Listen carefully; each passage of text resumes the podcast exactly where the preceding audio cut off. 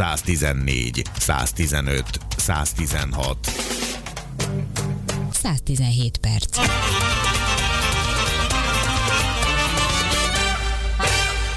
Koronavírus leltár, átmentett hatalomkoncentráció. Dr. Majtényi László, az Ötvös Károly Intézet igazgatója.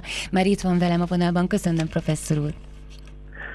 Kezét csókolom, és kellemes délután kívánok mindenkinek. Nagyon szépen köszönöm, de előjáróban is boldog névnapot önnek. Köszönöm szépen, túl vagyunk rajta. túl vagyunk rajta.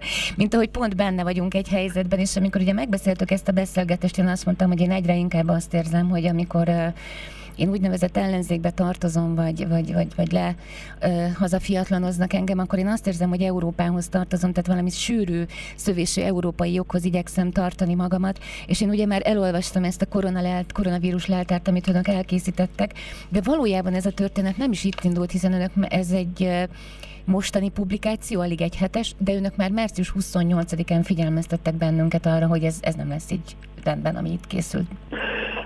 Sőt, tulajdonképpen korábban kezdődött.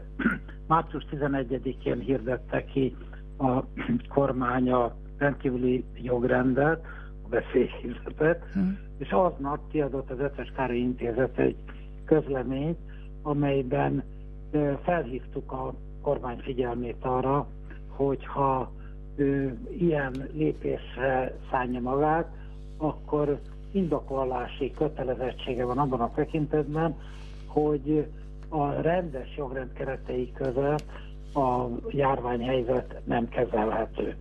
És elővettük az egészségügyi törvényt, amely nagyon hosszú, egyébként jogkorlátozó intézkedések sorát írja le, és bevezetését teszi lehetővé, különleges jogrend bevezetése nélkül is, anélkül, hogy ezzel nagyon hozzám az időt, csak mondom, hogy személyek mozgásának a korlátozása, kötelező egészségügyi vizsgálatok elrendelése, bármely intézmény működésének, ideértve az egyetemeket vagy a munkahelyeket is, ideglenes korlátozása, az ország területén belüli mozgás korlátozása, tehát adott településeken belül vagy települések közötti mozgás korlátozása, az országhatár átlépésének a korlátozása, egészségügyi adatok kezelésének a kivételes eszközlése, és így tovább. Nagyjából mindazok az intézkedések, amelyek a járvány leküzdéséhez szükségesnek látszottak, azok a rendes jogrend körülményei között is bevezethetők lettek volna, aminek nem szimbolikus jelentősége van, hanem nagyon is húsba vágó különbség, hiszen különleges jogrend idején. Az alapvető állampolgári jogok korlátozhatóak, míg a rendes jogrend idején csak azok a jogosultságok korlátozhatóak, amelyekről az egészségügyi törvény szól, tehát hogy nagyon világos példát mondja, például a véleménynyilvánítás szabadsága, a közérdekű adatok megismeréséhez való jog, a magánélet alapvető védelmihez tartozó megismerési jogok, ezek mind korlátozhatatlanok egy rendes jogrend esetében, míg a különleges jogrend fennállta idején ezek a jogok, és gyakorlatilag szinte minden alapvető jogunk néhány nevesített különbséggel, így például az élethez való jog, hm. vagy az emberi méltóság joga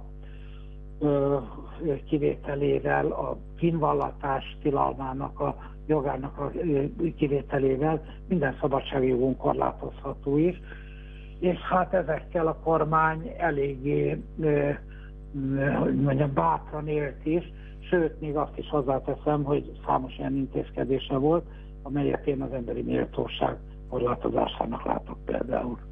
Így van, és ezeket ebben a jelent, ugye ebben az elemzésben ugye sorra is szedték. Amit én szerettem volna még, de csak kizárólag a véleményét kérném ebben, amikor én ezt néztem, ezt a helyzetet, akkor azt éreztem méltatlannak, hogy a kormány elvárja az ellenzéktől, hogy támogassa őt egy járványveszélyhelyzetben a teljes körű felhatalmazásra, viszont a kormány az ellenzék nélkül akar kormányozni egy járványveszélyhelyzetben. Hát igen, ez egy izgalmas kérdés és nagyon-nagyon messzire vezet, de hát röviden ugye arról van szó, hogy járványhelyzetben, tehát a veszélyhelyzet kiirdetése után a kormánynak joga van rendeleti úton törvényeket hatályon kívül helyezni, és törvényeket módosítani, olyan módon, hogy ebbe az országgyűlésnek ne legyen beleszólása. Most az a bizarr helyzet állt elő, hogy párhuzamosan működött a, az országgyűlés is, és működött a kormány, hát azt kell mondanom, mondanom hogy törvényerő rendeletalkotási gyakorlat. Ugye a törvényerő rendelet idősebb hallgatók ezzel még emlékeznek, hogy akik a történelem iránt érdeklődnek, a Kádár rendszerben, a kommunista rendszerben, amikor a parlamentben ülésezett, akkor egy elnöki tanács nevű szerv törvényi rendeleteket hozhatott.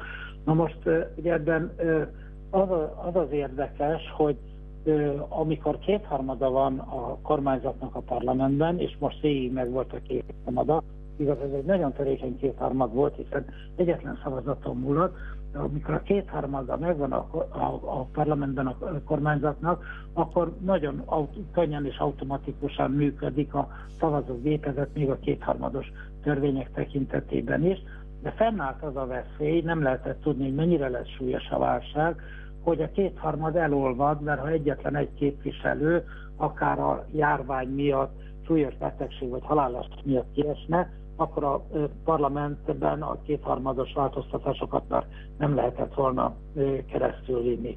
Így is megtörtént egyébként az, hogy a rendeleti kormányzás keretében számos olyan döntést hoztak, amelyek távolról sem voltak kapcsolatban a járványhelyzettel.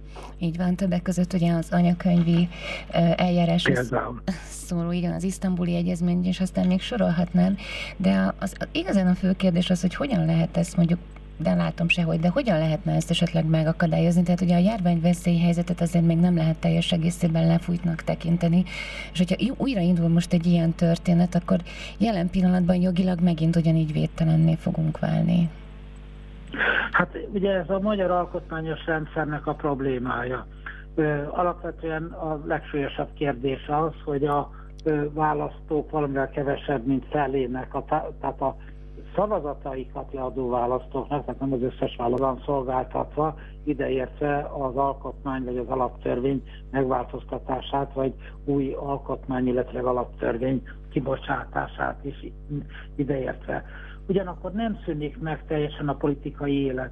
Tehát az, hogy a parlamentben az ellenzéki képviselők szólni tudnak, vagy vannak olyan fórumok, mint amilyen például a civil rádió is, ahol független emberek független véleményt el tudnak mondani, az akárhogy is valamilyen módon a politikai hatalom ő korlátját jelenti, és hát arra is volt számos példa, amikor a most regnáló hatalom a népakarat előtt meghajolt és megfutamodott, máskor pedig semmibe vette a, akár a, hát a tömeges tiltakozásokat is.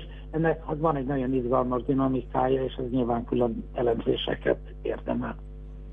Igen, ezek közül egyébként számomra a legutolsó volt az egyik legemlékezetesebb, hogy ön fogalmazott, ugye, hogy a beszéddel, tehát a dudával való kifejeződés az a beszédnek egy, egyfajta szimbóluma is lehetett volna.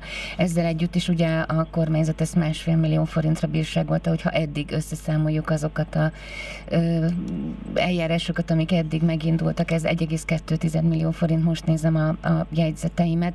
Tehát még a tiltakozásnak vagy a demonstrációnak a lehetősége is ö, ö, kudarcba fulladt ilyenkor, és ahogy hallgattam, te valóban azt éreztem, ahogy ön is fogalmazott, tehát, hogy kommunikálni kell, kommunikálni kell, kommunikálni kell, és legfeljebb egy következő választást fogunk tudni befolyásolni.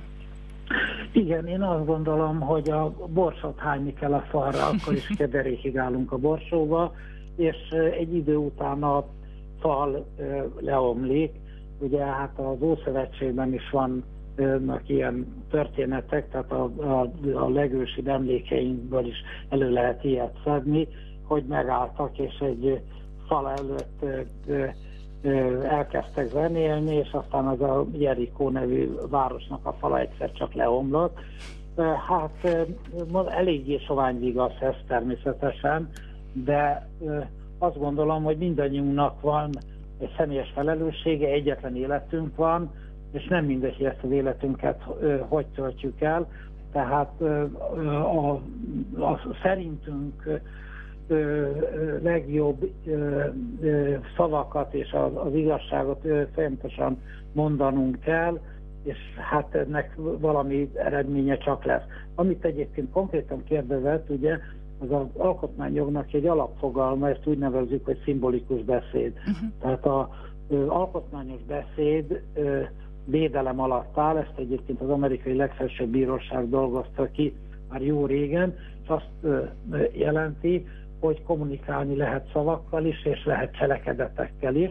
Tehát akkor, amikor a Clark Ádám téren a, egyébként a járvány helyzetnek igazából adekvát módon, mert autóban ülve vagy egy motoron ülve az ember megnyomja a hangjelzést, a körtét az autónak, illetve a motornak, ezzel a véleményét ki tudja fejezni, valami ellen tiltakozni tud, ugyanakkor a hát járványveszélyt nem okoz, hiszen megfelelően szigetelve van, megfelelő távolságra van a többiektől.